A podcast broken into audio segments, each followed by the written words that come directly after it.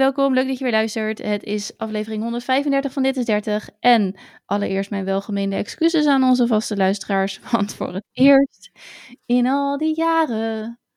Uh, ik wou eventjes uh, Ella, Elsa zingen. Ella. maar voor het eerst na al die jaren ben ik gewoon vergeten de aflevering te uploaden vorige week. Ach ja. Om niet om uh, vijf uur s ochtends, maar om vijf uur smiddags. Of misschien zelfs later online. Jos kwam echt naar beneden. Die zei, oh geen, dit is 30 deze week. Dus ik echt zo, weet je wel, zo'n hoofdvol onbegrip.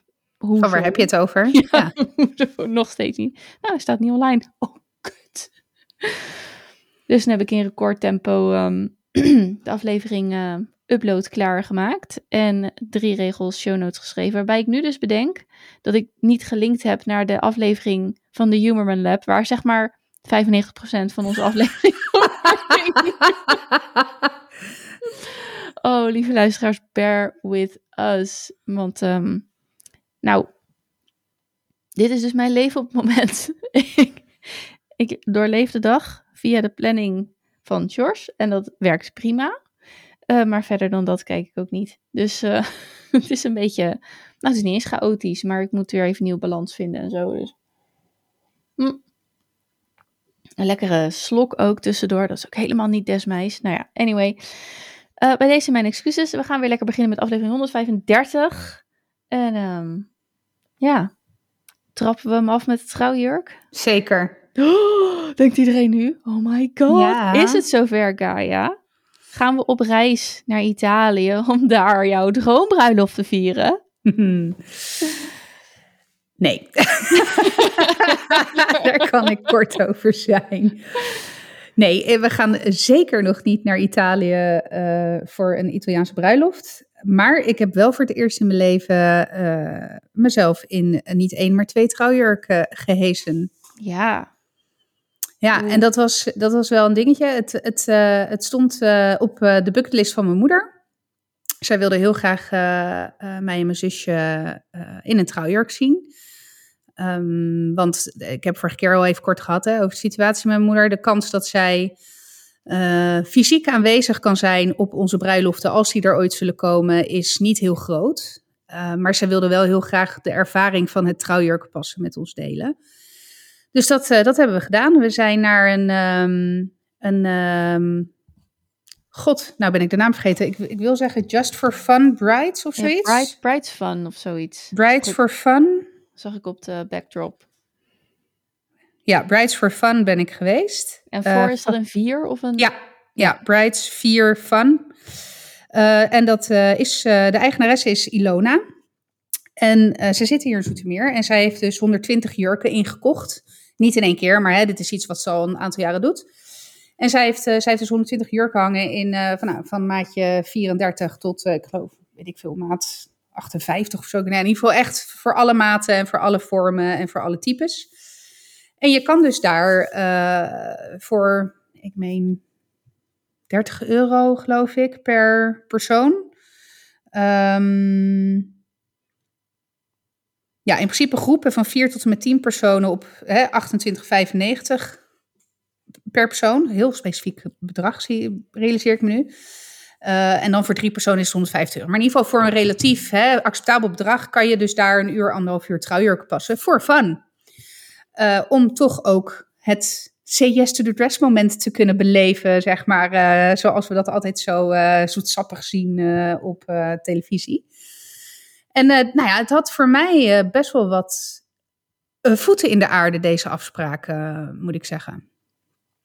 Ik, vorige week sprak ik over ook dat ik niet zo lekker in mijn vel zat. Hè, en dat ik tegen, nou, misschien wel tegen overspannenheid aan zit. En even, het gaat deze week een stuk beter met me, dus dat is fijn. Um, maar vooral in de aanloop, in aanloop naar die afspraak had ik echt, nou, ik had er echt een kutgevoel over. Uh, enerzijds, maar dat was echt secundair, omdat toch, weet je, de wetenschap dat je dat de kans dat je moeder bij het echte moment aanwezig is, dat jij trouwjurken gaat passen of überhaupt gaat trouwen, um, ja, dat doet gewoon wat emotioneel met je, logischerwijs. Dus het feit dat je dat gaat doen uh, met je moeder om toch die herinnering te hebben, geeft het, de hele, het hele fun-evenement toch, zit toch een laag overheen. En ik dacht in eerste instantie dat dat vooral hetgene was waarbij ik moeite had bij deze afspraak. Maar toen ik hem iets dieper ging, mezelf in, toen bleek dat dat volledig te maken had met mijn, nou ja, body dysmorphia wil ik het bijna noemen. Maar in ieder geval die geïnternaliseerde zelfhaat ten aanzien van mijn lichaamsvorm. En daar schrok ik wel van, omdat ik dacht dat ik verder was dan dat met zelfacceptatie. Dat was ik dus niet, is de conclusie. Want nou, ik, heb echt, ik heb echt moeten huilen in aanloop naar deze afspraak. Omdat het idee van mezelf in deze lichaamsvorm in een witte jurk te zien. Hè, wit is niet, nou, niet per se de kleur die het beste, uh, hè, waar je, je lichaamsvorm het best tot hun recht komen als je een maatje meer hebt. Laten we heel eerlijk zijn. En dan ook een trouwjurk, eh, dan sowieso niet, want er zit toch vaak veel stof. Hè? Veel, veel, veel, veel, veel, veel van alles. Veel van alles, ja. Dus, uh, dus ik, ik, ik moet heel eerlijk zeggen dat ik echt, we zijn vorige week woensdag gegaan, dat ik echt met looie schoenen daar naartoe ging. Um, en nou ja, de, de mensen die getrouwd zijn, die weten hoe dat gaat. Ik ga er namelijk vanuit dat als je voor het echi trouwjurk gaat passen, dat dat ook zo gaat. Je gaat dus met de begeleider die kamer in, die kleedkamer in. Nou, dat is bij mij al huh. Überhaupt kleedkamers is huh. Maar goed. Het was een triple. Ja, ja oké. Dus ik moest met deze dame uh, de paskamer in. Ik moet heel eerlijk zeggen, vanaf het allereerste moment uh, voelde, uh, uiteindelijk ben ik met mijn zusje en mijn schoonzusje gegaan. En dan mijn moeder, uh, mijn stiefvader en mijn oma was er ook bij. Hmm. Um, maar goed, Ilona heeft echt vanaf het allereerste moment met gewoon, nou ja, eigenlijk niks bijzonders, gewoon haar zijn, wel bij ons alle drie enorm een, nou ja, we voelden ons meteen op ons gemak. Dus ik had iets minder hu, zeg maar, om met haar dan die kleedkamer in te stappen. Ook omdat ik dacht, zet je er overheen, je hebt geen keus, je bent er nu. Dus ik toogde ook als eerste die paskamer. Ik denk, dan heb ik het maar gehad. Weet je, dan. Hè? Dus nou ja, ik had een jurk uitgekozen. Uh, kanten lijfje, kanten mouwtjes en dan, wel, en dan een, een beetje A-lijnjurk. En uh, nou ja, je kleed je uit. uh, dan doet zij dus die jurk op de grond en dan maakt ze een soort gat erin. En daar moet je dan achteruit instappen. En dan gaat zij die jurk helemaal, nou ja, op jouw lijf rijgen als het ware. Dus er zat ook een corset, een corset in. Love it trouwens, corset. Echt heerlijk. Um, en dan komt het moment dat je eerst in de kleedkamer al, want daar hing een spiegel, dat je daar dan al moet kijken. En ik, ik weet echt, en dat herken ik van uh, toen ik uh, bij de fysio was en de eerste keer in de spiegel moest kijken, was precies hetzelfde gevoel. Dat ik echt, zeg maar, met, ik draaide mezelf naar die spiegel en ik echt met mijn hoofd naar beneden en echt dreading om mijn hoofd omhoog te doen en mezelf in die spiegel aan te kijken. En dus ik, ik deed mijn blik omhoog en toen keek ik mezelf aan en toen dacht ik, oh, oké, dit had erger gekund. I can do this. I can do this, ja. Voelde ik me 100% op mijn gemak? Nee, zeker niet. Walgde ik van mezelf? ook dat niet. Dus het was somewhere in the middle. Um, maar het was zeker niet een negatieve ervaring. Dus daar ben ik, daar ben ik heel blij mee. Uh, en uh, wat ik nog eigenlijk het mooiste vond, was, uh, want zij maakt er ook echt wel een dingetje van. Want ze zegt, dan stapt zij de kamer uit en dan staat ze klaar met haar fototoestel. En dan zegt ze ook van, joh, gooi die gordijnen open hè, en pak je moment. Dus zo gezegd, zo gedaan. Ik denk, fuck it, ik gooi die gordijnen open en ik ben de motherfucking best bride they'll ever be. Ging ik even manifesteren in die drie seconden dat dat duurde. En uh, dus nou, ik deed dat en ik, ik stapte naar buiten en ik was natuurlijk de eerste van de drie. Dus de, mijn zusje ging gelijk huilen. Hmm. Maar dat waren happy tears, weet je wel. Maar het was wel, uh, ja. en ja, het was gewoon, het was uiteindelijk best emotioneel, maar op een goede manier. Er, het was heel liefdevol, heel respectvol ook. Um, en het was eigenlijk gewoon ook heel leuk. En ik ben, ik ben heel blij dat ik dit inderdaad met mijn moeder heb kunnen doen. En anderzijds ook heel blij dat uh, mijn ervaring niet heel negatief was. Ja. De tweede jurk was echt dramatisch overigens. Maar dat terzijde, ik hou me gewoon vast aan die eerste jurk die ik heb gehad. En uh, dus ja, ik heb voor het eerst in mijn leven een trouwjurk aangehad. Ja. Even hoor, een paar dingen. Sowieso, uh, Ilona, fantastisch. Ja. Want dat is echt heel knap. En als ze dat gewoon kan door er te zijn, dan is ze, heeft ze echt de, de roeping gevonden. Ja. Dus dat is echt heel cool. Dus uh, Ilona, fantastisch. Um, wat ik me afvroeg toen je mij even meenam in dit verhaal. Je deed ook voor, zo zie ik net, hoe je dan zeg maar voor die spiegel staat met je hoofd gebogen. Ja. Um, op het moment dat je in zo'n corset geregen wordt, dat die jurk aangaat, dan zie je jezelf natuurlijk al wel een stukje. Ja. Je, je ziet je eigen lichaam in die jurk uh, omgesloten worden door die jurk. Was dat al een moment waarop je al iets um, moet ik het zeggen, relaxter werd over jezelf? Nee. Of was het echt nog steeds niet? Want nee. jij hebt, nou ja, goed, ik, ik heb foto's ik, nou, Oké, okay, um, ik heb jou voor die, dat moment gesproken. Dat was volgens mij na de opname zelf. Ja. En um, het was echt best erg. Je was er echt. Ja. Nou, ik heb je weinig je zo kut zien voelen als voor deze afspraak. Ja. Als in, in de tijd voor deze afspraak. Dus voor deze afspraak. En toen kreeg ik op een gegeven moment een foto. En ik was echt van mijn stuk gebracht. Omdat, sowieso vind ik je heel mooi. Maar, maar de, de, uit de foto sprak ook... En, uh, nou, ik, ik zag wel dat je niet ontzettend uh, euforisch aan het springen was. Maar er sprak echt rust uit. En ja. warmte. Ja. Ook, ook, ook mijn zusje, mijn schoonzusje. En dan natuurlijk die deze fijne, mooie foto's met je moeder. Dus ik was echt een beetje van mijn stuk. Van ja, ik vind je mooi, maar hoe zit dit nu precies? Want ik had verwacht. Waar is de mindfuck? Ik, ik, heb je zeg maar als een, een puddeltje op de vloer achtergelaten. dus, dus dat vond ik wel heel fijn om te zien. En ik ben heel blij voor je dat het uiteindelijk um, niet heel erg kut was.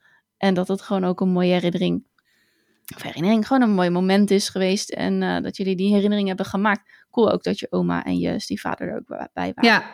Dan was het, dat is wel compleet, denk ik. Zeker, zeker. Ja. Ja. ja, en wat je zegt is ook waar. Het voelde warm. Dus, en ik zeg inderdaad, het was niet helemaal kut. Dat impliceert dat het een beetje kut was. Maar eigenlijk was het helemaal niet kut. Nee. nee het, was, het was warm, het was fijn. Um, ben ik nu ineens weer helemaal body positive? Nee, absoluut niet. Want dat is misschien nog wel wat de, de aftronk die ik er even los van, de, van de positieve ervaring. Maar dat ik dus blijkbaar toch niet zo ver ben als dat ik dacht. Met acceptatie van mijn lichaam. Ja. Dus dat was wel, dat was wel uh, dat ik dacht, oh kut, ik heb toch nog wel behoorlijk wat werk uh, te doen, zeg maar, in, intern om mijn waarde niet meer af te laten hangen van hoe ik eruit zie qua gewicht. Want dat is het met name. Dat gewicht is en blijft een fucking struggle, zeg maar. ja. Dus dat, uh, ja, dat is jammer. Maar goed, het is wat het is. Ik accepteer ook dat ik daar nog niet ben, blijkbaar. Nee, maar het blijft een, een, een, um, een, fascinerend is niet het goede woord. Ik ben niet zo heel goed in goede woorden bedenken blijkbaar vanavond. Maar het blijft een hele bijzondere zoektocht. Ook voor mij om dit te zien, want ik vergeet het gewoon een beetje. En dan vertel je erover en denk ik, jezus, het is zo ingrijpend. Ja. Het grijpt in elke seconde, elke minuut van de, van de dag. Op het moment dat je opstaat, dat je beweegt, dat je een deel van je lichaam in beeld krijgt. Ja, en de, de grap is wel dat niemand dat aan me ziet. Nee. En dat, dat, daar ben ik ook altijd wel verbaasd over. Dat als ik me dan een keertje kwetsbaar opstel en eerlijk ben over bepaalde onzekerheden tegen mensen die mij niet heel goed kennen. En mijn inner circle is heel klein, dus heel veel mensen kennen mij niet goed genoeg om dat van me Nee. te weten. De luisteraars bij deze dus wel. Uh, welkom to my inner circle, uh, lieve luisteraars. Ja. Uh, nee, maar op het moment dat ik, dat ik mezelf dus kwetsbaar opstel ten aanzien van onzekerheden over mijn, mijn lichaam, dan, dan zijn mensen ook altijd heel erg verbaasd over, hè, jij onzeker, rot op, weet je wel. Mm -hmm. dus ik, ja, ik kan het ook heel goed maskeren. Nou, ik, ik wou net zeggen, ik weet niet of het per se um, bravoure is, waardoor het zeg maar niet zo is. Maar we hebben het er wel eens eerder over gehad. En je hebt ook wel eens gezegd dat je dat lastig vindt. Jij hebt een sterk aura. Je komt binnen ergens. Ja. Zelfs, zelfs ik, hè, mensen, echt, zelfs ik, als jij zeg maar. Ik, ik weet nog wel, was het met oud en nieuw of met kerst, weet ik veel. Je, ja, je haar zat super mooi in de krul. Je had je super mooi opgemaakt. En ik, ik weet het niet. Je kwam echt binnen en ik vond je zo mooi. En ik was gewoon een soort van beetje stom geslagen. Omdat de, je hebt een. eh, eh, ja, een entrance of zo. En dat betekent ook dat, dat je. Dat mensen eerst dat voelen. Voordat ze eventuele onzekerheden of kwetsbaarheid voelen. En als, ze, als je dan niet zo dichtbij staat, dan stop je met voelen of met connecten na die eerste Ja. indruk. En dan is het Ja. gewoon bla en gezellig. Dus ik denk ook dat dat, dat dat het is. Niet per se dat je het heel bewust aan het maskeren bent. Dat nee, helemaal niet. Zeggen. Nee, Nee, maar het is gewoon, je hebt, je hebt hierin. ehm, ehm, en dat is de reden, dat is ook een van de redenen waarom dat trainen je zo goed ligt. Omdat je voor een groep gaat staan en jij staat daar zonder al dat je er maar iets hoeft te doen. Dat is een talent, dat is, een, dat is, een, eh, een, dat is iets wat je gewoon hebt. Maar dat is dit ook. Het is heel iets, het is heel iets ongrijpbaars. En ehm, nou ja, in, eh, op dat soort momenten denk ik altijd, ja, we zijn wel mens met vlees en bloed, maar onze energie, onze geest, is helemaal niet, dat is helemaal niet deze vorm. Dat zit veel meer om ons heen ook nog. En, en dat voel je gewoon heel erg ehm, binnenkomen of zo. Dus ik kan mij voorstellen dat mensen dus ook verrast zijn als ze voorbij dat eerste, die eerste indruk of dat eerste laagje een kijkje krijgen. Want dat is het Ja. dan natuurlijk wel weer. Gu- Gun jij ze dat kijkje of niet? Eh, Ja, ik probeer dat wel steeds oh, meer. te- Ja, ik probeer dat dus heel bewust wel steeds meer te doen. Ehm, zeker in het vak als trainer. Omdat kwetsbaarheid zorgt voor rapport, zeg maar. Dus voor connectie vaak. Eh, en omdat ik inderdaad een stevige aanwezigheid heb, is het risico dat ik onbenaderbaar word. Ja, je staat in ieder geval op. Je kan me voor- vooral in een trainersrol voorstellen dat je op een bepaald voetstuk komt te staan. Ja, en ik- ik- wil. Ik word snel de juf. En dat is, niet, Ja. dat is helemaal niet de bedoeling, zeg maar, van, eh, van het trainerschap. Eh, dus ik probeer, daar, ik probeer daar wel steeds meer ehm, bewust eh, de kwetsbaarheid te tonen. En dat, dat doe ik dan bijvoorbeeld in bepaalde opdrachten die ik met de deelnemers doe. Ehm, waarin ik mezelf echt kwetsbaar opstel. Maar echt oprecht kwetsbaar opstel. Dus eh, ik, ik loop echt wel risico op dat moment. ja. Ehm, maar goed, tot nu toe heb ik daar alleen maar hele positieve ervaringen mee gehad. Dus dat blijf ik ook zeker doen. Maar de eerste reactie is altijd verbazing. Altijd. Er is nog nooit iemand die tegen mij heeft gezegd: Oh ja, ja, ja dat snap ik wel. ja. Of- Het is dus- altijd: Hè? Jij? Ja. ja. Dus nou ja, maar goed. Dus eh, trouwjurken, leuk, eh, bijzonder, heel bijzonder. Ik raad het ook echt. En het is ook, het lijkt me ook echt wel leuk. Zeker als je, nou ja, niet van plan bent om te gaan trouwen of, of nooit getrouwd bent. Om dat gewoon een keer mee te maken. Om in zo'n bruidsjurk te stappen en jezelf dat say yes to the dress momentje te gunnen. Want het was echt heel erg leuk en echt dikke kudos aan Ilona, want ze doet het super, super, super goed en leuk. Ja. Ja, zo, ik, ik denk even natuurlijk terug aan mijn moment dat ik mijn Ja. trouwjurk ging kopen. Want ik ben wel ooit eh, volle bak. Ja, je kan het verzinnen. Pak een boekje erbij en dat was mijn bruiloft. Ehm, niet met George, maar met een andere meneer. Ehm, dus toen ik, eh, eh, toen ik met Rob ging trouwen, laten we hem maar ook gewoon noemen. Toen ben ik wel gewoon in witte jurk en alles. En ben ik trouwjurk gaan passen. En het, wat mijn ervaring dus is, is... ehm, eh, ik ben goed geholpen hoor. En het was leuk. Maar je staat daar ook. En toen op een gegeven moment de derde of zo, dat was hem dan. Want dat merk je dan, hè. Van, dit is hem. Is dat Eh, echt inderdaad een Eh, gevoel? dat was, eh, nou, het was meer dat je, ik was niet meteen k- 100.000 procent overtuigd, maar ik dacht wel, oeh. Oeh, weet je wel, dat je, Ja. nou ja, wat je ook gewoon denkt van, oké, eh, me. En dan de tweede was ook, nou, hm, en de derde, weet je, dat je inderdaad echt zoiets van, oh, maar wacht even. Dit, Dit doet is, wat. Dit is Ja. denk ik wel wat ik bedoel. Ehm, maar goed, ik wilde ook zo'n uitbundige even een keer passen, weet je wel. Nou, daar ging ze echt niet in mee. De Oh. dame die eh, mij hielp.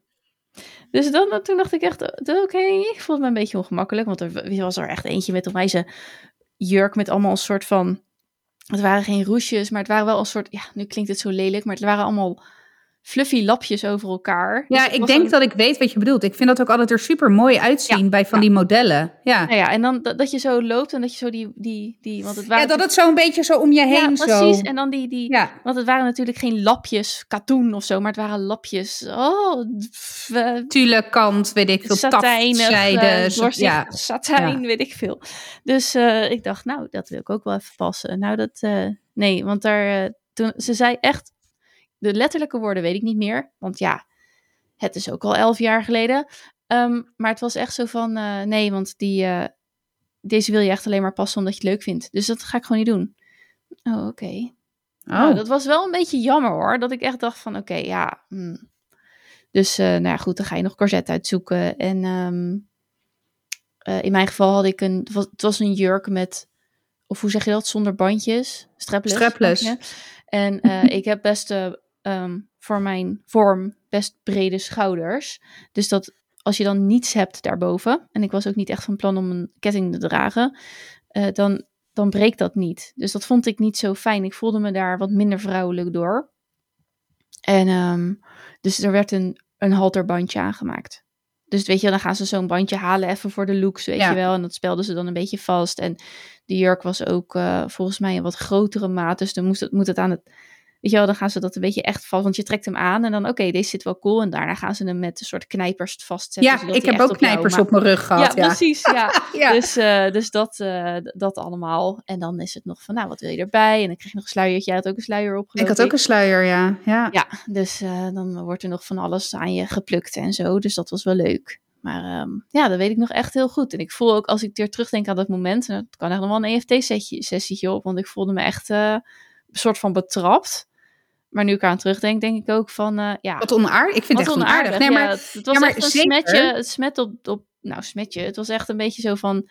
eh, leuk, leuk, leuk, mooi, mooi, mooi. Oh, eufo- euforisch. En nou, toen daarna dacht, dachten we echt van... Nou, oké, nu ben ik er wel klaar mee. Maar er moet nog heel veel gebeuren. En ik ben nog steeds blij. Maar ik wil eigenlijk wel weg. Want ik voel me nu best een beetje ongemakkelijk met jou. Nou, maar dat is echt wel, eh, dat, ik vind dat wel een ding. Want ik bedoel, we hebben het ook tijdens die passessie over de prijzen gehad van de jurken die we aan hadden. Nou, die eerste jurk die ik aan had was gewoon 2500 euro. Ja. Ja. Om en nabij. Nou, Ja. ik vind dat echt, ik, ik, ik was echt, ik wist hoor, en ik weet dat trouwjurken echt fucking duur zijn. Maar ik denk echt 2500 euro voor een jurk die je één keer aandoet. Ja. Oh my fucking god. En dus het, het, even om aan te geven, het is echt een uitgave, een trouwjurk. Want ook een goedkope trouwjurk ben je gewoon zo Ja, 1000, ja, volgens mij- 1500 euro ja, volgens mij kwijt. was die van mij 1500 euro. En ik zat echt aan de on- onderkant van de, van de Precies. markt. Want ik kreeg nog... Ik heb in ieder geval een flinke bijdrage gehad van mijn ouders. Of ze hebben hem helemaal betaald. Dat weet ik eigenlijk niet meer. Sorry, mam. Ehm, maar die hebben echt wel serieus bijgedragen. Dus da- daar was ik natuurlijk hartstikke blij mee. Maar de, de- en ja, ik was ook niet inderdaad van plan om 5000 euro uit te geven of zo. Al had ik het gehad, weet je wel. Ja, Ehm, maar het is echt een flinke uitgave. Maar ik zat ook wel aan de onderkant van de, de- van de markt, zeg maar. Dus ja, misschien had Ja, maar- ook wel zoiets van... ja, je gaat die jurk sowieso niet betalen... dus ik ga die niet voor je uit rek pakken. Ja, maar dan dat vind ik dus. En ik, ik zie dat wel eens bij. Vroeger keek ik echt best wel, heb ik best wel veel CS to the Dress gekeken. De- je, en dan hoorde je ook die consultants zeggen van ja, weet je, we gaan geen trouwjurken, we gaan eh, poelen, zeg maar, ehm, die buiten jouw budget vallen, want straks word je er verliefd op één en dan, weet je wel. Ja, Dus ja. vanuit die insteek, nou ja, heb ik zoiets van, nou oké, fijn. Maar aan de andere kant vind ik ook voor een jurk voor 1500 euro, heel eerlijk, als ik die trouwjurk wil passen, dan ga jij die gewoon pakken. Want ik ga jou straks 1500 euro minimaal betalen voor Ja. een lapje stof. Even heel, Ja. heel oneerbiedig. Dus ik vind het ook gewoon, ik vind het onaardig, maar ik vind het ook echt gewoon niet kunnen voor het bedrag wat je in zo'n winkel neerlegt. Ja, maar ja, ja het is Maar goed, goed, een ja. beetje wat je gewend bent. Ik was waarschijnlijk niet eh, degene met, de meeste, met de grootste port- portemonnee die kwam. Dan nog, denk ik, ja, hoeft dit niet zo. Ehm, aan de andere kant, het enige wat ik nog een beetje kan bedenken is... ik heb ook echt de jurk gekregen die ik paste. Dus Ja. ik paste de jurk in een, weet ik, een, een, een, een S of zo. I don't know, een M. Ik weet het, nee, een M denk ik. Eh, M-ish, wat is het dan, 38, 40? Ja, I don't know. Ehm, en die jurk is echt op mijn maat gemaakt. Dus het is niet zo dat in die winkel pasjurken hangen en dat je dan een nieuwe krijgt of zo, weet je wel. Je krijgt echt die jurk die je past. dus ergo denk ik van ja, als ik weet dat ik hem toch niet ga nemen, dan is het misschien een risico. Of ja, hoe minder mensen een jurk gepast hebben, hoe fijner. Dat zou ik zelf ook vinden als ik uiteindelijk dan een jurk kies. Ja. Dat is het enige waarvan ik denk van, oh ja, daar, daarmee kan ik mezelf nog wel... Uh, maar dat, dat argument werd niet gebruikt. Nee, nee, maar wees daar dan ook gewoon... Nou, laat ik het zo zeggen, het had ook op een empathischere manier gekund zeker, als ik jouw ja. verhaal zo uh, hoor. Ja, zeker. Ja. Dus, uh, dus dat is mijn ervaring. En verder was het, was het prima, want nou ja, alle... alle mentale issues heb ik niet. Dus dat geeft het een veel luchtiger, way, way luchtiger uh, geheel. Wat ik wel cool vond, is, is dat je, hoewel ik helemaal niet met mensen ben natuurlijk, maar je ziet andere vrouwen ook passen. Met hele andere, bij mij naast mij stond een echt een, een um, echt een stoere chick. En die paste zwarte of zwart-witte jurken. Nou, vet jongen. Ja. Ze had een zwarte jurk aan. Die was. Ga ik begon zelf dus. Te, nou ja. Ik, ik zou nooit op mijn leeftijd toen hebben gedurfd om over te stappen van witte jurk naar andere kleur. Sowieso Ja. niet omdat het hele plaatje met hem op dat moment ook zo geschetst werd. Het is gewoon het standaard. Het, traditie, niet standaard, maar het traditionele plaatje. Witte jurk, hij pak. En. Maar jezus, wat was dat, wat was dat echt? Wat was dat een gaaf. Ik zie, hem, ik zie haar er gewoon nog in staan. Ik zie het nog voor me. Er zat ook een rode. Um, maar die zwarte, oh mijn god, dat was zo vet. En het was, het, het, het, een zwarte trouwjurk heeft de gevaar om zeg maar een tussen aanhalingstekens gewone jurk te gaan lijken. In plaats van een trouwjurk. Was bij dit echt niet het geval. Nou, cool. Ja, ja dus... Uh, dus dat wat ik, weet je wat ik trouwens het voordeel vind van een zwarte jurk? Want het is wel grappig dat je aanhoudt dat het risico is dat het op een echte, een gewone jurk, ja. zeg maar, tussen haakjes. Maar ik zou dus een zwarte jurk, stel dat je ooit nog een keertje een gala iets hebt in je leven, dan kan je die tenminste nog aan. Maar wanneer ga je in godsnaam je trouwjurk ja, nog een keer aandoen? Nee, niet. Ja, je gaat dat gewoon af en toe aandoen omdat je het dan leuk vindt om nog een keer te dragen of zo. Maar um, ja, wat ik... Um, het is grappig, mijn, mijn oma, die vertelde altijd een verhaal. Zij had, had ze nou haar trouwjurk zelf gemaakt? Dat weet ik niet. Maar ze trouwde natuurlijk in, uh, weet ik het, was van 1932. Dus wanneer trouw je dan? In 1952 of zo. Dus uh, zij trouwde en daarna ging een van haar schoonzussen trouwen. Toen had ze dus haar eigen trouwjurk vermaakt. Dus ze had hem wat korter gemaakt. Weet je wel, dat die zeg maar half, ik denk net onder de knie of zo viel. En een dingetje. En toen had iemand tegen haar gezegd, ik vind jou mooier dan de bruid. En dat, dat verhaal heeft ze gewoon echt altijd volgehouden. Heel goed. Ja, dus, dus, het blijft grappig. Um, ja, wonderlijk. Ja, dus uh, nee, mooie ervaring. Zeker. Ja. Hey, van trouwjurken naar zwangere buiken op internationale nou, televisie. Joehoe! Ik zat echt... Oh! Oh, hallo? Ja, Rihanna en de Super Bowl. Rihanna, ja, na vijf jaar weer terug op een live podium. Of zes jaar. Nee, in ieder geval echt, ze is heel lang Ja, natuurlijk, ja. eh, eh, heeft ze in ieder geval niet live eh, opgetreden. En is ze echt, nou, van de radar verdwenen. In ieder geval qua muziek, hè. Want ze heeft natuurlijk daarnaast haar eigen, haar eigen make-up lijn, waar ze heel Ja, actief in is. Of gezichtsverzorgings, ja, en kleding, ja. Dus ze is van alle markten thuis, maar de muziek had ze even op een laag pitje gedraaid. En toen was daar natuurlijk eh, een paar maanden geleden eens de aankondiging dat zij de halftime show ging doen. Ja. En toen was de halftime show vannacht daar. en het eerste wat Tout le Monde heeft gezien, is dat eh, Rihanna zwanger is van haar tweede kindje. Ja, Ja, ja. Ja, gaaf. ik want vond ik- het, ik, ja. Nou ja, ik, Nee, ja, jij, zeg maar. Jij stuurde mij het linkje door, dus ik heb hem net gekeken. En de eerste minuut zat ik echt, hè? Of, hè? Ja, maar... En ik volg het gewoon sowieso niet zo heel goed allemaal. En dat is echt geen excuus of zo om dan dom te zijn. Maar ehm, ik dacht echt, maar ze heeft, heeft ze nou... Ze heeft toch net inge- is, is ze dan net bevallen en is dit nog... Weet je, want daarna heb je ook altijd nog Een babybuik. een babybuik. Ja. Dus, eh, of niet altijd, maar... Het is normaal. Het, Het is is normaal als om- je dat wel hebt. Ja. Ja, zeker. Dus ik dacht echt, ik snapte er eigenlijk, ik kon het naar toen uiteindelijk, toen je er zag bewegen, dacht ik, nee, dit is wel echt eh, een bebé.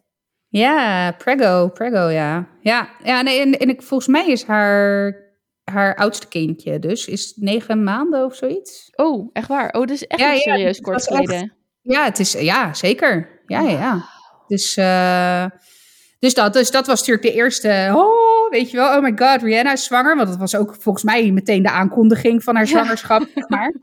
En ze had ook best wel al dat ze zichtbaar zwanger was. Maar goed, Ja. ze- de- bij de eerste deed ze ook heel, heel eh, nou ja, vaag. Maar vaag heeft een negatieve connotatie. Maar was ze gewoon heel privé in hoe lang ze zwanger was. En eh, nou, dat was gewoon niet common knowledge. En rightfully so. Want wat gaat het ons in godsnaam aan wanneer zij een uh, inderdaad. sinaasappel eh, door neus gaat perst? maar ehm, nou ja, ze zag er ook echt al wel zwanger, zwanger uit. Er was geen twijfel. Ja, weet je, Nee, ze, ja. ze liet het ook wel. Het was het eerste shot, was jas een beetje open, hand op haar buik. En dat, dat ja, was vrij obvious. Ja. Maar Wat vond je van de show? Ja, ik vond het qua choreografie was het bizar. Echt al die dansers en zo mooi tegelijk. En ik vind het, ehm, ik ben een beetje, ik ben niet, mm, ik heb natuurlijk Rihanna's liedjes, ken ik wel, maar meer zo van, oh, dat is ook een liedje uit de top 40. Hè? Ja, Oma vertelt, maar de top 40. Ehm, dus nu ik het zo achter elkaar las, dacht ik, oh, het is wel echt ehm, best wel rauwig, seksueel soms. En dus aan de ene kant was het een beetje in mijn face, allemaal achter elkaar. Aan de andere kant dacht ik ook van ja, doe. Want ook wij, wij vrouwen, mogen dit doen. Dus eh, ik had allerlei wel gevoelens daarbij. Ik vond haar, wat ze zong, was echt, echt goed. Zo. precies zoals het... vocaal was het echt per- perfect. Ja, Ja, ja, ja, ja. je merkte wel dat ze, tenminste, ja, ik weet niet of dat dan de bedoeling is, maar ze zong niet volledige nummers, sommige zinnen. Nee, dus ik denk dat ze meezong met wel een, de, een bandopname. Ja, Eh, zeker. Maar ze zong ook live gewoon. ja zeker, ja. En dat was, dat was, dat was echt indrukwekkend. Dus ehm, Nou, zeker als je 30 meter boven eh, een grasveld nou, op een dat platform... eh, laatste shot, ik werd gewoon zelf helemaal eng ervan.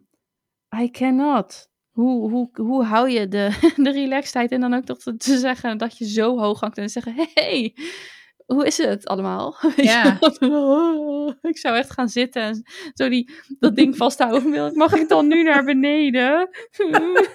Alsjeblieft. Ja, heftig man. Maar ehm, ja, het zat prachtig in elkaar. Wat ik ook grappig vond is het camerawerk. Ja. Dus die dan, op een gegeven moment was er, ging de camera door al die dansers heen. Fantastisch. En dan stond zij daar op het eind. Ja, Ja, ja. Ja. Dus, eh, maar al die dansers deden ook een korte choreo-stuk v- van, weet je, die camera, die shots hoorden er echt bij. Dus je ziet, het is gewoon een, een, een- aan alle kanten een, een immense totaalproductie. Nee, zeker. Maar Ja. nou, en de grap is, eh, je hebt natuurlijk die documentaire, volgens mij hebben we het daar al over gehad, over J-Lo en Shakira, die de Ja. Super Bowl eh, natuurlijk een paar jaar geleden hebben gedaan. Waarin je een kijkje achter de schermen krijgt in wat het allemaal nodig heeft om tot stand te komen. Eh, nou, het feit dat zij dat heeft gedaan eh, postpartum en prego, zeg Ja. maar. Ja, Eh, echt, echt bizar. En wat ik heel tof vond, was... We zijn natuurlijk de afgelopen jaren echt wel een mega galactic show vol met props en veranderende podia en weet ik wat allemaal gewend. Gastoptredens, gastartiesten. De ene celebrity werd uit het grond getoverd naar de andere. ja, Nou, vorig jaar was natuurlijk... Vorig oh. jaar was echt, dat moet ik echt heel eerlijk zeggen, dat was, maar ook omdat dat gewoon back to nostalgia, Het was balsem voor de ziel. dat precies, dat was echt eh, fantastisch met Dr. Dre en Eminem en Snoop Dogg en 50 Wie? Cent, Mary J. Blige. Ondersteboven hing, echt. Ja, ja, ja, fucking briljant toch? Ja, heerlijk. Maar eh, wat ik, wat ik dus tof vond, was dat had Rihanna allemaal niet. Ze had natuurlijk de, die, zwe- in het beginshot dat die zwevende podia met haar dansers ook, zeg maar, midden in dat stadion hingen. Die kwamen dan naar beneden en aan het eind ging zij inderdaad weer omhoog. Dus dat was natuurlijk wel spectaculair. Ja. Maar er was geen gastoptreden. Er waren eigenlijk de, het enige show-element was echt de, door haar, Ja. zij en haar dansers Ja. en dan het vuurwerk. Wat er dan natuurlijk ook. eh, ehm, maar het draaide wel allemaal gewoon om haar als artiest en om haar muziek. En dat vond ik ergens ook wel verfrissend. Dat ik dacht, ja, weet je. Ook Ja. wel tof om niet overweldigd te worden door Nee, allerlei enorme toeters en bellen. Maar het ga- het gaat gewoon om de choreografie en de muziek. Punt. En ja, Ja. en dat was echt spot on. Ik vond Ja, het echt heel tof. Ja, echt heel tof. ik moet wel zeggen dat ik inderdaad een beetje zat te wachten op, komt er nog iets? Ehm, maar dat is dan ook wel weer interessant om aan jezelf te merken. Dat je denkt van ja. En ja, ik was gewoon echt compleet onder de indruk van die dansers. En de, de dans. En zoveel dansers die echt. Wauw. Ja, als één bewogen, zeg maar. Ja, en echt de hele ja, het was tijd. heel En het is strak. Ja. zo, dat is, dat, is, dat is zo lastig. Ja, maar, Ja. eh, of zoveel oefenen. Ja. Hey, en eh, iets anders wat ik dus heb gezien rondom de Super Bowl of de, de halftime show, dat is eh, de gebarentolk Justina Miles, Oh? eh, die dus het optreden van Rihanna heeft getolkt. Ja. Dat is vet, jongen. Want Ja? het is echt, zij gaat helemaal. Haar Instagram-naam is trouwens laagstreepje GT laagstreepje. Dus J Tai, T-A-Y. Ehm, maar ze, het, je Ja. ziet gewoon, zij is eh, ook een vrouw van kleur. Zij is zelf slechthorend.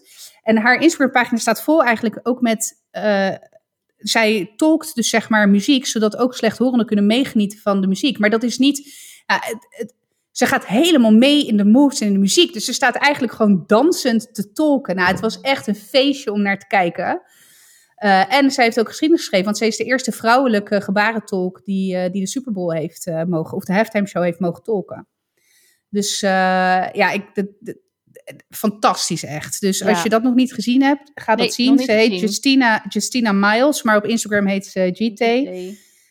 Maar als je Justina Miles Super Bowl googelt, dan kom je echt, dat staat bovenaan, zeg maar. Want iedereen heeft het er ook, heeft het er ook over. Want ik, ik kwam haar dus tegen toen ik op mijn Instagram een beetje zat, eh, weet je, stories zat te swipen.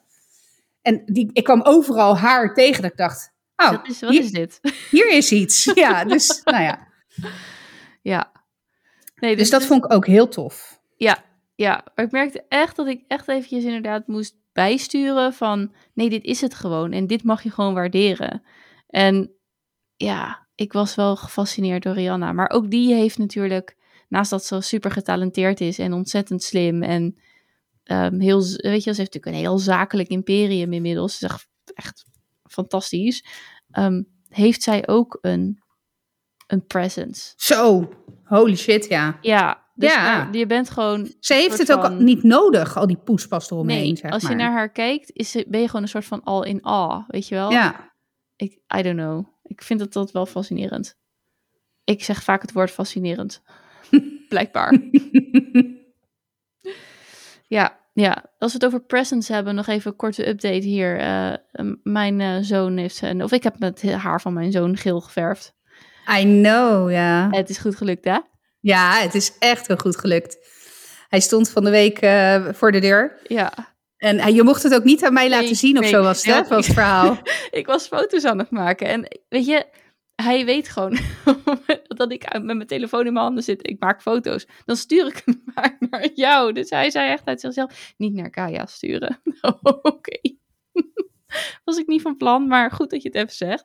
Ja, ja dus hij wilde iedereen die die al maar zou zien, eh, moest verrast worden. En eh, we hebben die niet met zoveel woorden gezegd, maar dat was wel echt de bedoeling. Dus, eh, was Ja, je zag het mooi. ook aan zijn kopie. Ik deed de deur open en ik reageerde echt ook intrinsiek echt Ja. in awe van het resultaat. Ik was echt onder de indruk. Ja, En je zag, hij zag aan mij dat het een oprechte reactie was. En ik zag aan hem dat hij mijn oprechte reactie ook helemaal tot in het diepst van zijn ziel aan het opzuigen was. Ja. Dus dat was, dat was echt super vet. Ja. Ja, ja, dus dat. eh, ja, dus ik heb ehm, eh, eerst met een voorzichtig blondeertje pakje geprobeerd. Maar ja, dat was natuurlijk niks. Maar het was voor mij goed om er even in te groeien. En gewoon serieuze blondeer gekocht, waterstofperoxide, alles. En daarna eh, de gele verf eroverheen, de gele haarverf, echt geel, geel. Dus niet dat je Ja, het is echt oh, geel. Het is- blond of Nee, zo. nee, nee, het is echt- geel. ja. Ja, dus en het is echt super, super goed gelukt. En ehm, ik vind het heel erg cool. En even kijken hoor, we gingen naar eh, zwemles. Dus we hadden het 's morgens geel geverfd. Toen moesten we naar zwemles. Dus toen was het echt nog op zijn allerfelst. Nou, hij had een partij bekijks. En ik durfde niet zo heel goed om me heen te kijken. Want je wil, je ook, je wil er ook een soort van relaxed over doen. ja. zo verschrikkelijk. Hoe je echt jezelf als ouder gewoon veel te belangrijk maakt. Maar ehm ja, het is echt... Je stelt helemaal niks voor.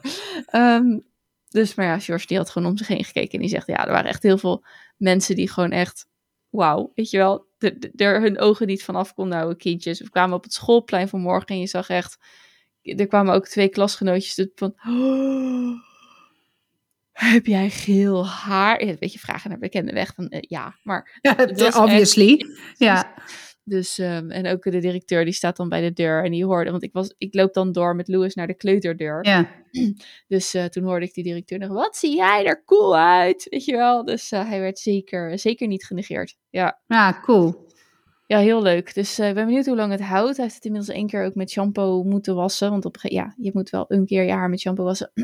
en je ziet al dat het iets... ehm, ja, vlekkerig wil ik niet zeggen. Maar het ziet er echt net... Weet je iemand die hem nieuw ziet, die ziet het niet. Maar ik wel. Eh, maar goed, ik heb nog een beetje over. Dus we kunnen nog een keer opfrissen.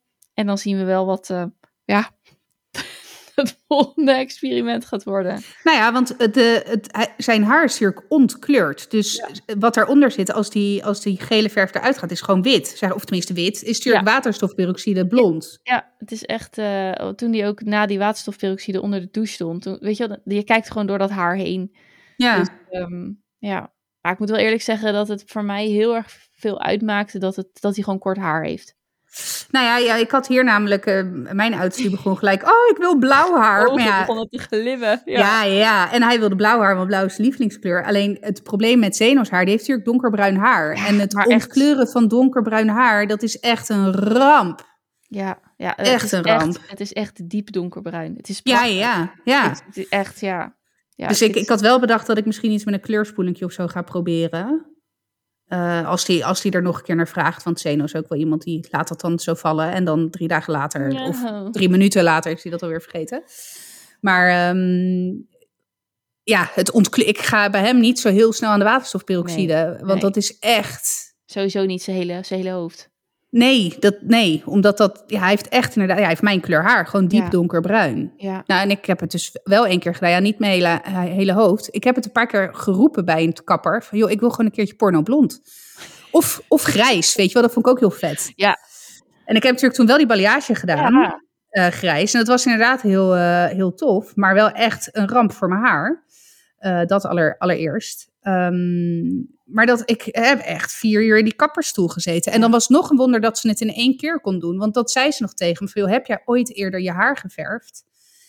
Ik zeg, ja, maar dat is echt meer dan tien jaar geleden. Ze zegt, oké, dan zit, zit het er zeg maar niet meer in, als het ware. Want dat is ook nog een risico, geloof ik, met bruin haar. Als je het al een keer geverfd hebt, dan blijven die pigmenten in je haar zitten. En als je er dan waterstofperoxide overheen doet, nou, dan... Nee, nou, het, je- is, gewoon- het is gewoon onbekend. Eigenlijk weet je Ja. niet precies wat er gaat gebeuren Nee. hoe het eruit komt. En ehm, ik heb het ook wel eens een keer zelf geprobeerd te blonderen. Maar ik heb eh surprise eh, be- best veel roodtinten in mijn haar. Ehm, en dat, dat zit er bij hem ook wel in de basis in. Hoewel die wel blond is, zit er wel... In de zomer, als de zon erop staat, is het net goud bij die gasten. Dus er Ja. zit een warmige oranje tint in. Dus het gevaar is gewoon... Ik had ook blondeer gekozen die oranje tinten ehm, de- eruit haalt, zeg maar. ja, Dus het gevaar zit er gewoon in dat het, als je dit bij Zeno erin gooit, dat het gewoon fel, worteltjes oranje Ja, nou, dat komt, denk ik dus ook. Niet, niet- ja.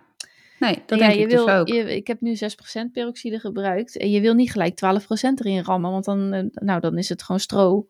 Dan kan je het daarna echt afknippen. Dus het is Ja. best, het is ja, ja, ik weet niet hoe of, dat, of dat gaat lukken ooit, iets als het ooit, weet ik veel. Maar ik nou, in ieder geval niet als ik het zelf ga doen. Als hij dat ooit echt wil en die wat ouder is, dan zal ik met hem naar een kinky kapper of zo Ja. gaan, weet je wel, Ja. die daar echt ervaring mee heeft. Maar ik weet inderdaad nog wel dat jij bent echt niet van het verven van je haar. Toen heb je dat grijs erin gedaan. En het was echt... Het was echt ehm, maar ja, je hebt de krulhaar. Dat is al eh, brozer of breekbaarder. Nou, Ja, en toen echt- had, had ik nog geen curly girl. eh, toen zat ik nog niet aan de curly girl. Nee, eh. nee, maar ik weet wel dat jij toen naar die... Want toen jij naar die krullenkapper ging, toen knipten ze dat er uiteindelijk uit. En Ja. dat, dat het echt gewoon wel aangetast was. Ja, want, als je het kleurt, dan beschadig je het sowieso. Want dat is de hele bedoeling, anders pakt het niet. Want ik had echt wel eens bedacht van... Oh ja, als ik dan grijs haar heb, dan kan ik, weet je wel, vol grijs haar. Dan kan ik daar misschien wel wat grappigs mee met een kleurtje is in de, eens in de zoveel tijd. Of met een, een roze of weet ik veel wat. Maar eh, het pakt niet op grijs haar als het niet... Een haar moet beschadigd zijn om, eh, voor de kleur om goed te pakken. Dus ja, dat is best wel, ehm, hoe zeg je dat, paradoxaal. Omdat het kan dus niet heel vaak of de hele tijd. Want dan uh, Nee. ja, valt het gewoon uit van je hoofd af of zo. Ja, nou ja, en in mijn geval heb ik al niet, niet meer zo heel veel haar na twee zwangerschappen. Dus dat, dat wat ik heb, dat koester ik, zeg maar. Dus ik zou zelf inderdaad, dat, eh, ik vind het heel leuk dat ik een keer grijs heb gedaan. Het was ook echt goed gelukt. Ja. Weet je, dat was echt, ik, ben er, ik was er echt happy mee. Ik kreeg wel ontzettend veel commentaar daarop. Eh, zowel positief als negatief. Of tenminste Ja. niet negatief als in je ziet er niet uit, maar wel eh, van oh, waarom zou je nou Onbegrip, haar... eh, ja. ja. precies dat. Ehm, maar zeker toen ik- nu ik al, nou zo weer twee jaar denk ik, dat ik Curly Ja. Girl doe. Ja, zoiets. Dat, dat, nou, ik heb in twee jaar twee keer mijn steltang gepakt en dat is het, zeg maar. Ver- Verder ben ik vrij trouw aan. niet dat ik, ik ben niet meer volledig curly girl hoor, maar ehm, eh, er zijn een aantal aspecten die ik wel wat los heb gelaten. Maar ik heb het inmiddels wel voor elkaar om in een, in een half uur mijn haar oké-ish te laten eh, zijn, zeg maar. Ja, Dus, ehm, dus ja, maar goed, ja, geel haar echt heel, heel, heel vet. En ja, voor Zeno ga ik toch maar eens een keertje op onderzoek naar een goede kleurspoeling dan blauw voor donker haar of zo. ja. ja. Misschien in de zomer, want in de zomer wordt zijn haar ook wel iets lichter door de zon. Dus dat je, dat je dan kans hebt dat het iets beter pakt. Maar goed. kunnen, ja. Nou ja, goed. Het is, eh, het is, ik vond het leuk. Dus eh, ik ben benieuwd. Ik denk niet dat dit de laatste ehm, keer is dat ze haar is geverfd. Tenzij hij het natuurlijk zelf niet meer wil. Dus, Nee, ehm, ja, dat kan. nee. Wie ook niet meer wil, lekkere bruggetjes, Oh, lekker man. is Dr. Phil. Ja, Ja, Dr. Phil gaat er natuurlijk mee kappen, maar die is ook natuurlijk al way past de pensioendatum. Dus hè, prima. Ehm, en het was voor mij, ik heb niet super, super veel. zeg maar, Ik, ik heb wel eens vaker gezegd dat ik echt Oprah Mhm. Ik keek elke dag Ja. op Oprah. Maar ik ehm, moet ook zeggen, ik had het ook wel. Ik, had, ik had lichtpuntjes in mijn leven nodig. Echt niet depressief geweest. Maar ik heb echt wel een paar jaar geleefd van dan dit soort dingen. Waarin ik gewoon eventjes iets lekker fijns had. Dus ik had het, ik eh, leefde daar echt wel een soort van naartoe, van op.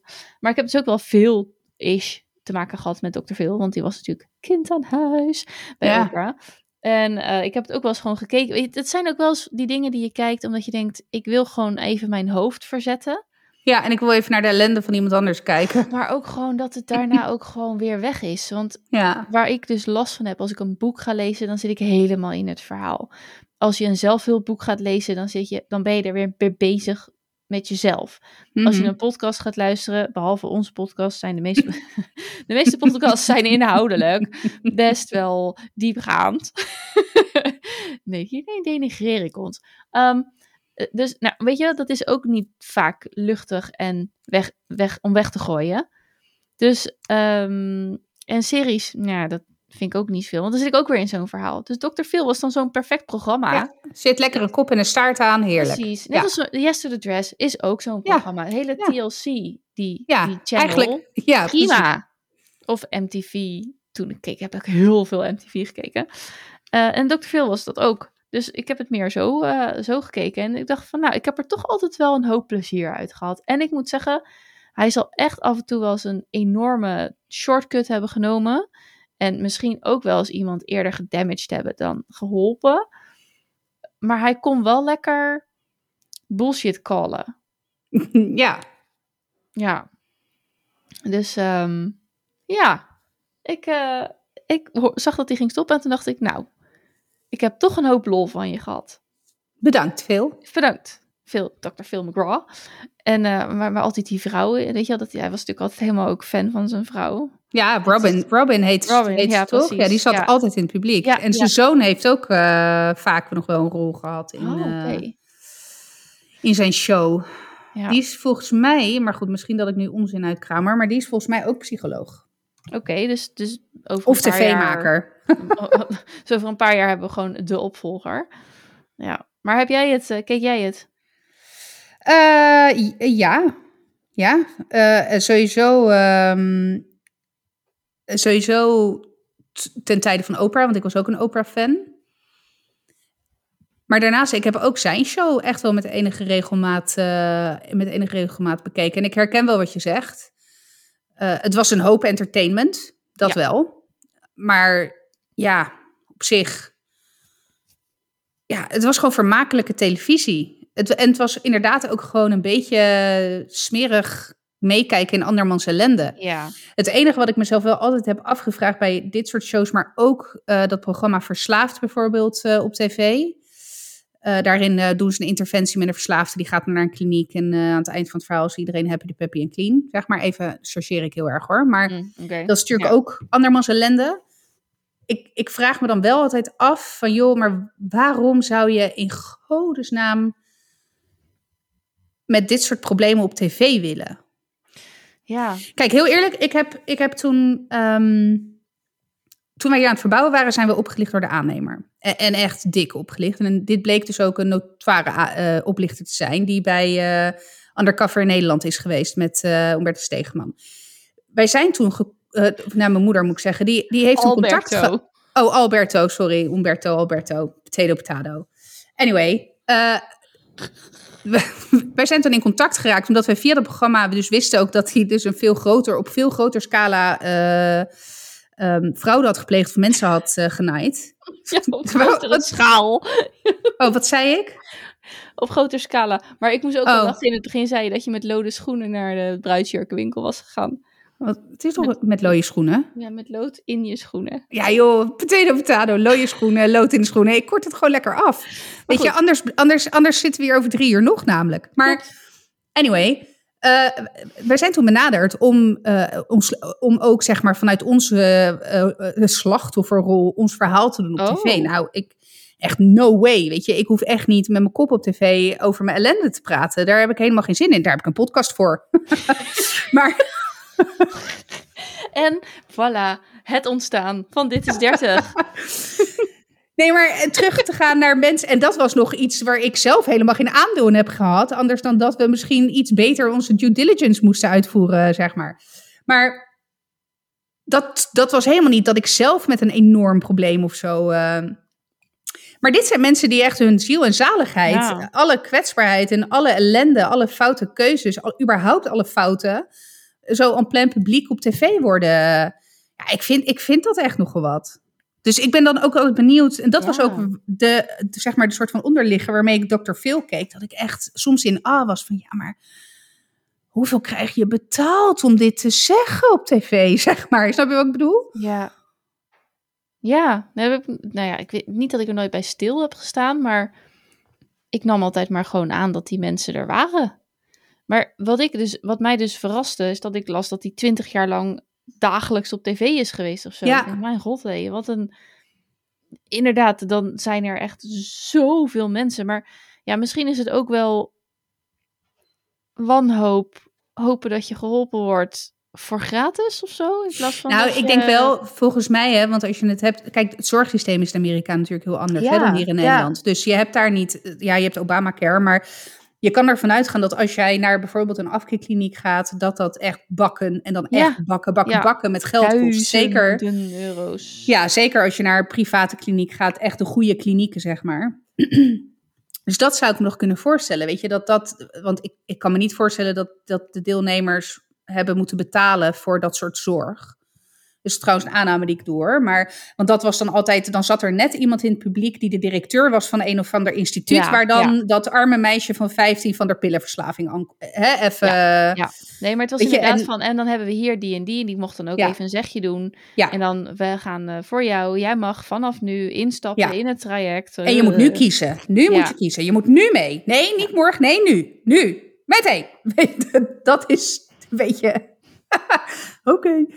Nee, maar even gechargeerd, hè. Ja, maar dat ja, was wel, ja. zeg maar, vaak een beetje de, de rode draad. Eh, vaak ging het om adolescenten trouwens, of in ieder geval jongvolwassenen. Ja, het was in ieder geval een hun- onderdeel van het probleem. wa- Waar inderdaad dan wel, eh, ja. Wat ik wel altijd inderdaad heel sterk vond, en dat zei jij er net van, hij, hij- hij was wel altijd van het bullshit, uit, eh, bullshit uitkallen. En niet alleen van de, nou ja, de probleem, de patiënt, sorry, dat ik het zo, niet alleen van de patiënt, maar ook van eh, de entourage. Dus vaak werden ouders ook echt flink aangepakt. Of Ja, zeker, caretakers of, nou ja, ja. want dat vond ik altijd wel, eh, wel interessant ook om te zien. Is dat ehm, de, de ouders kwamen dan natuurlijk, ja, zeg maar, een soort van klagen over hun Ja. kind. En eh, eh, hij begon eigenlijk al heel snel van, ja, maar wat heb je er zelf aan? Weet je wel zo. Dus echt wel gewoon reflectief naar jouw rol in het geheel. En ja, hij was een spiegel. Ja, en ik denk dat dat voor heel veel mensen, ehm, dat inzicht alleen al is levensveranderend. Van, oh, maar ik heb hier ook, ben hier ook debet aan. En um, dus ja. Ja. Want ja, je komt ze gewoon tegen in de speeltuin om de hoek, hè? Die oh, ouders oh, met een, lekker brevet van onvermogen. Ja, I know, ik ben zit er lekker in.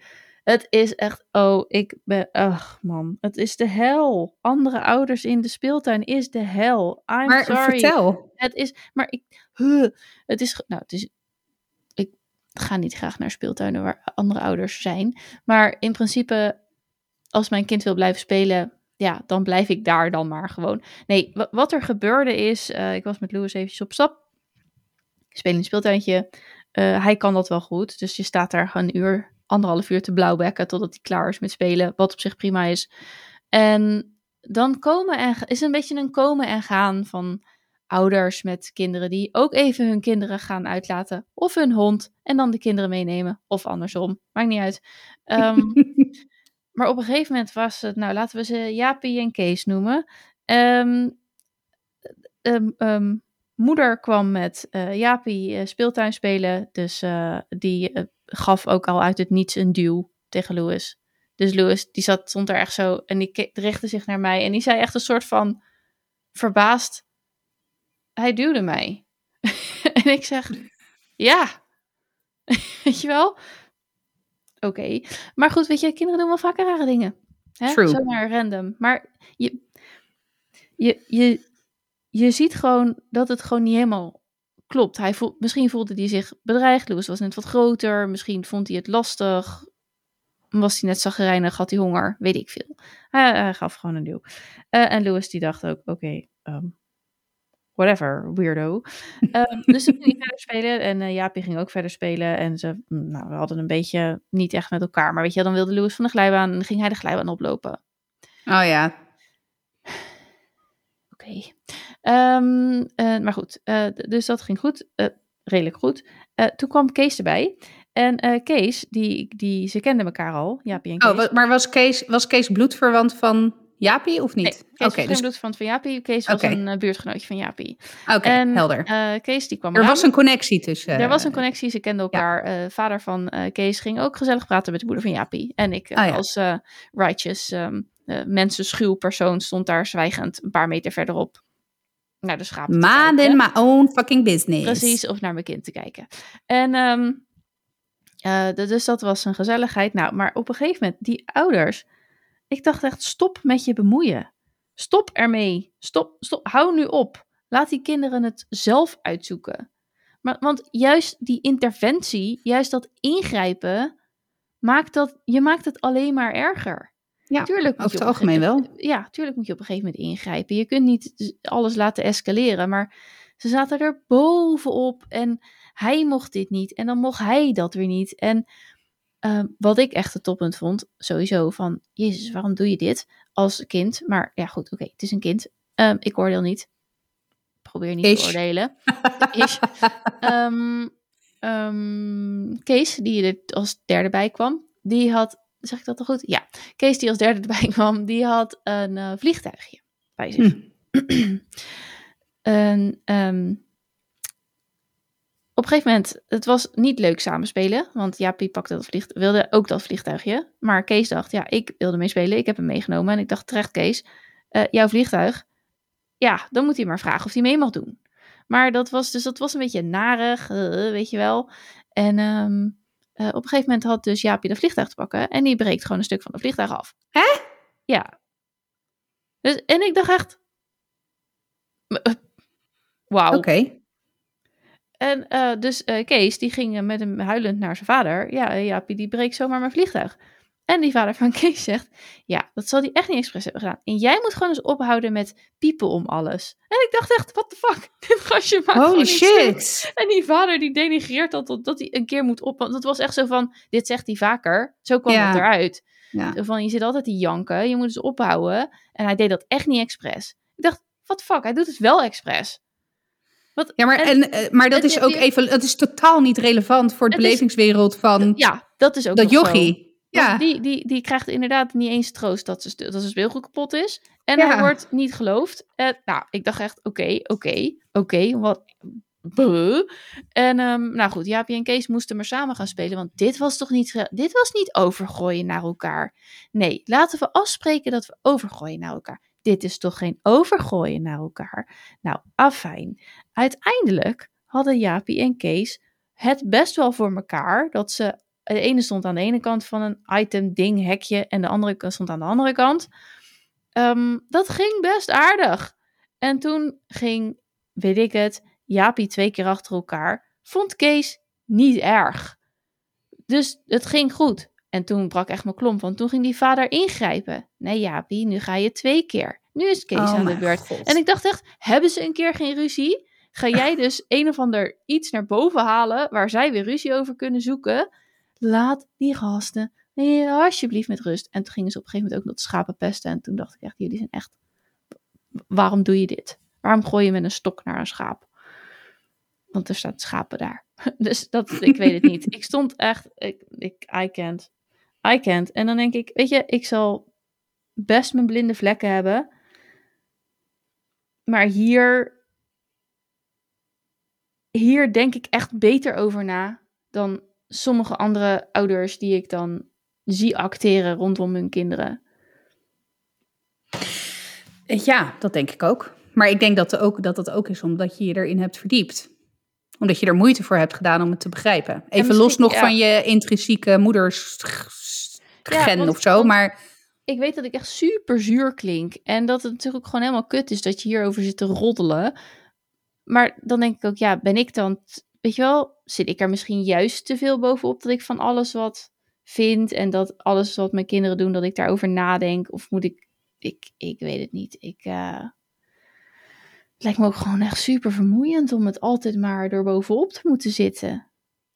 ja, nou, ik merk bij mezelf dat ik. Nou, wat ik, het, wat ik vorige week zei over dat ik eh snapte om niks, zeg maar, naar de kinderen.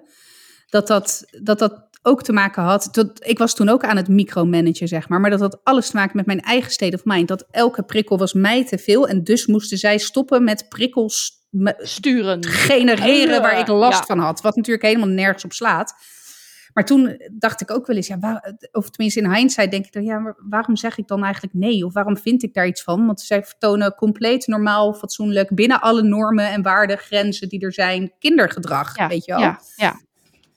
Ja, nou en dan, dan schreeuwt iemand. En het was, het, was nog, het was nog helemaal lullig, want in dit geval waren ze gewoon enthousiast samen aan het spelen. Maar nou ja, je weet hoe Milo kan gillen dan op zo'n moment. Ja, ja, ja, het is ja, intens.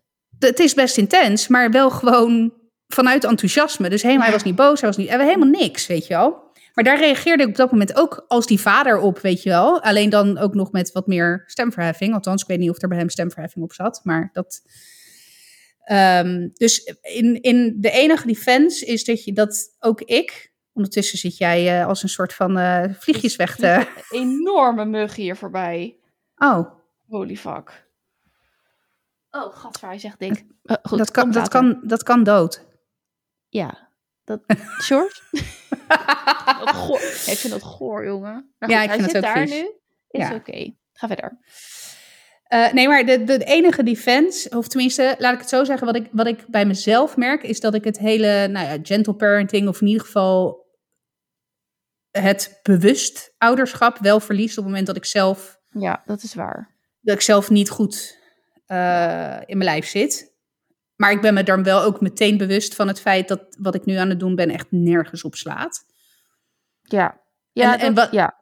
Vooral, hè, wat ik, waar, ik- wat ik heel. Vandaar ook dat ik daar best wel op aanging in jouw verhaal daarnet. Het diminishen van de gevoelens van een 4, 5, 2, 3, 9, 10 tot en met 25. 27. Want dan, want nou ja, nou, op je 25ste zijn die hersenhelften pas aan elkaar, eh, zeg maar, eh, gegroeid. Maar het diminishen van iets wat voor een kind heel belangrijk is in zijn of haar belevingswereld, dat brengt zoveel schade toe, zeg maar. Dus dat is wel iets wat ik probeer, waar ik wel echt altijd probeer oog voor te hebben. Ja. want met daarbij heb ik ook echt best wel eens gezegd: joh, stop eens met dat gezeur, weet je wel. Uh, zal ik ook echt ongetwijfeld wel een keer gezegd hebben. Dus um, dat is het enige wat ik dan nog voor deze vader kon opvoeren. ja, als je, een soort ik, van. Daarom, maar ik zal ook echt wel als een of ander zuur wijf daar gestaan hebben. En op mij valt ook genoeg aan te merken. Maar toch, eh, je staat daar dan met stijgende verbazing te kijken. En Ja, nou, maar je, dat komt omdat je je bewust bent van wat daar gebeurt, zeg Ja, maar. en ik heb natuurlijk ook de luxe dat ik buiten de situatie sta. Dus zeg maar alles Ja. overzie wat hier gebeurt. En ik heb de tijd om naar het ene kindje te kijken en ook naar het andere kindje. Of ik sta op de goede hoek. Ja, maar, maar op zo'n moment sta je je gewoon helemaal compleet op te vreten. Ook niet goed, want ik sta daar met, met Louis. Dus eigenlijk moet ik... Ja, want gewoon- had Louis last van eh, deze Mm. verwantschap? Nee, nee, ze. Deze nee, verwantschap, het wordt steeds erger met niet mentaal gebruik. Ehm, nee, het is, eh, nee, die had daar verder niet zo'n last van. Die, die, die, die stond, ja, ja, die ging gewoon zijn eigen gang en die bukte af en toe. Als er iets overvloog. Nee, dat is overdreven, maar bij wijze van spreken. Ja, ja, ja. Ja, dus die, eh, die, die, die hobbelde er een beetje tussendoor. Ehm, die was volgens mij vooral blij dat hij niet meer eh, eh, het, het, het object was van eh Jaapie. Ja, precies. Want nu kon die Kees gaan duwen. In plaats van Ja. deze onbekende grote jongen. Ja, oh wel. Ehm, ja, ik denk dat we maar moeten afsluiten. Dat vind ik een goed idee. Ja, dan ga ik die gigantische gore mug vangen of laten vangen. Doe dat. Dus, eh, lieve luisteraar, bedankt voor het luisteren weer. Ehm, ja, ik ben een... Dat, dat je dit 135 keer doet, blijf erbij. En dat je dan nog steeds... Mijn klanten raad ik ook altijd aan om de outro uit te schrijven. Dan kan je die gewoon oplezen. En dan heb je een lekkere uitgang van je aflevering. Anyway, lieve luisteraar, dankjewel voor het luisteren. Wil je ons volgen op Instagram? Zou gezellig zijn. Je kan daar ons een berichtje sturen. Ehm, ik kreeg eh, deze week kreeg ik een eh, foto van een kaartje van Renske toegestuurd. Die had namelijk een verhuiskaartje gevonden met eh, I hope your new hou- house isn't haunted. Dat dat dus het perfecte verhuiskaartje voor mij zou zijn. Nou inderdaad, dit is echt het beste wat je mij toe kan wensen als het gaat om een nieuw huis. Ehm, en voor de rest verwijs ik je naar twee afleveringen maar ik ben serieus, ik moet echt zeggen hoor, door jouw spookverhalen ehm, ben ik weer banger s'nachts. Moet ik echt naar Oh, de wc? echt? Ja, echt in het donker. Eh, eh, Oh, de- wat kut. Nee, maar het is niet zo erg als vroeger.